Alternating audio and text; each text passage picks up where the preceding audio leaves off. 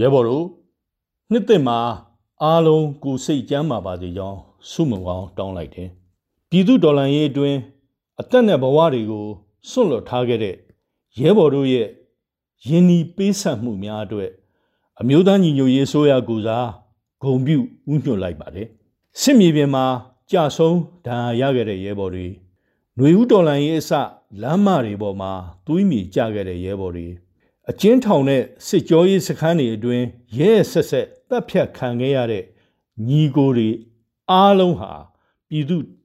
သူရဲကောင်းတွေပဲဖြစ်တယ်သူတို့အားလုံးကိုငါတို့အစဉ်မြဲအမှတ်တရရှိနေကြမှာဖြစ်တယ်2023ခုနှစ်ကတော့တော်လန်ရေးအတွက်အရေးကြီးတဲ့နှစ်ဖြစ်လိမ့်မယ်ဒီနှစ်အတွင်းတော်လန်ရေးအဆုံးဖြတ်ကိုရယူဖို့အမျိုးသားညီညွတ်ရေးဆိုရနဲ့မဟာမိတ်များစိတ်ပိုင်းဖြတ်ထားပြီးလဲဖြစ်တယ်ဒီအတွက် one year plan ကိုရေးဆွဲအကောင့်ထဲဖော်နေတယ်ဆိုတာလဲရဲဘော်တို့သိရှိပြီးဖြစ်လိမ့်မယ်တော်လန်ရေးတစ်ခုဆင်နွှဲတဲ့အခါလူအင်အားရန်ပုံငွေအင်အားလက်နက်အင်အား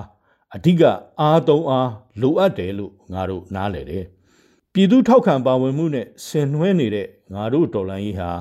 လူအင်အားအရာအထူးပြောစရာမလိုရန်သူကို ခြေမုံအနိုင်ယူနိုင်တဲ့လုံလောက်တဲ့အင်အားရှိပြီးဖြစ်တယ် အခုချိန်မှာအရေးအတွက်အင်အားကိုအရေးချင်းအင်အားဖြစ်ဖို့ပဲငါတို့အာယုံစိုက်ကြရမယ်ရန်ပုံငွေအင်အားအနေနဲ့လဲပြည်သူလူထုရဲ့အဆက်မပြတ်ထောက်ပံ့လှူဒါန်းမှုကြောင့်မျော်လင့်လာတဲ့တာလွန်တဲ့ရန်ပုံငွေပမာဏတစ်ခုကိုရရှိထားပြီးဖြစ်တယ်ဒီရန်ပုံငွေအင်အားကိုအသုံးပြုပြီးတောက်လျှောက်ဖြည့်ဆည်းနေတာကလက်နက်အင်အားပဲ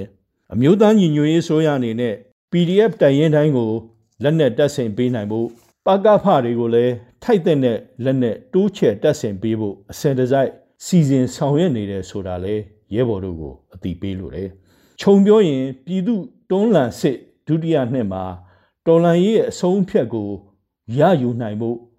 လိုအပ်တဲ့အခြေခံကောင်းတွေရှိပြီးဖြစ်တယ်လို့ပြောကြတယ်။အရေးကြီးတာကတော်လန်ရေးအင်အားစုတွေရဲ့စုပေါင်းအားနဲ့ဒီတစ်နှစ်အတွင်းတတန်နဲ့ညီပြီး တချီတဲ့ရုံးရဖို့ပဲဖြစ်လိမ့်မယ်။2023ဟာမြန်မာပြည်အတွက်မင်္ဂလာရှိတဲ့နှစ်သစ်ဖြစ်မယ်လို့ငါတို့ယုံကြည်တယ်။ပြည်သူဒေါ်လာရေးမုတ်ချအောင်ရမည်။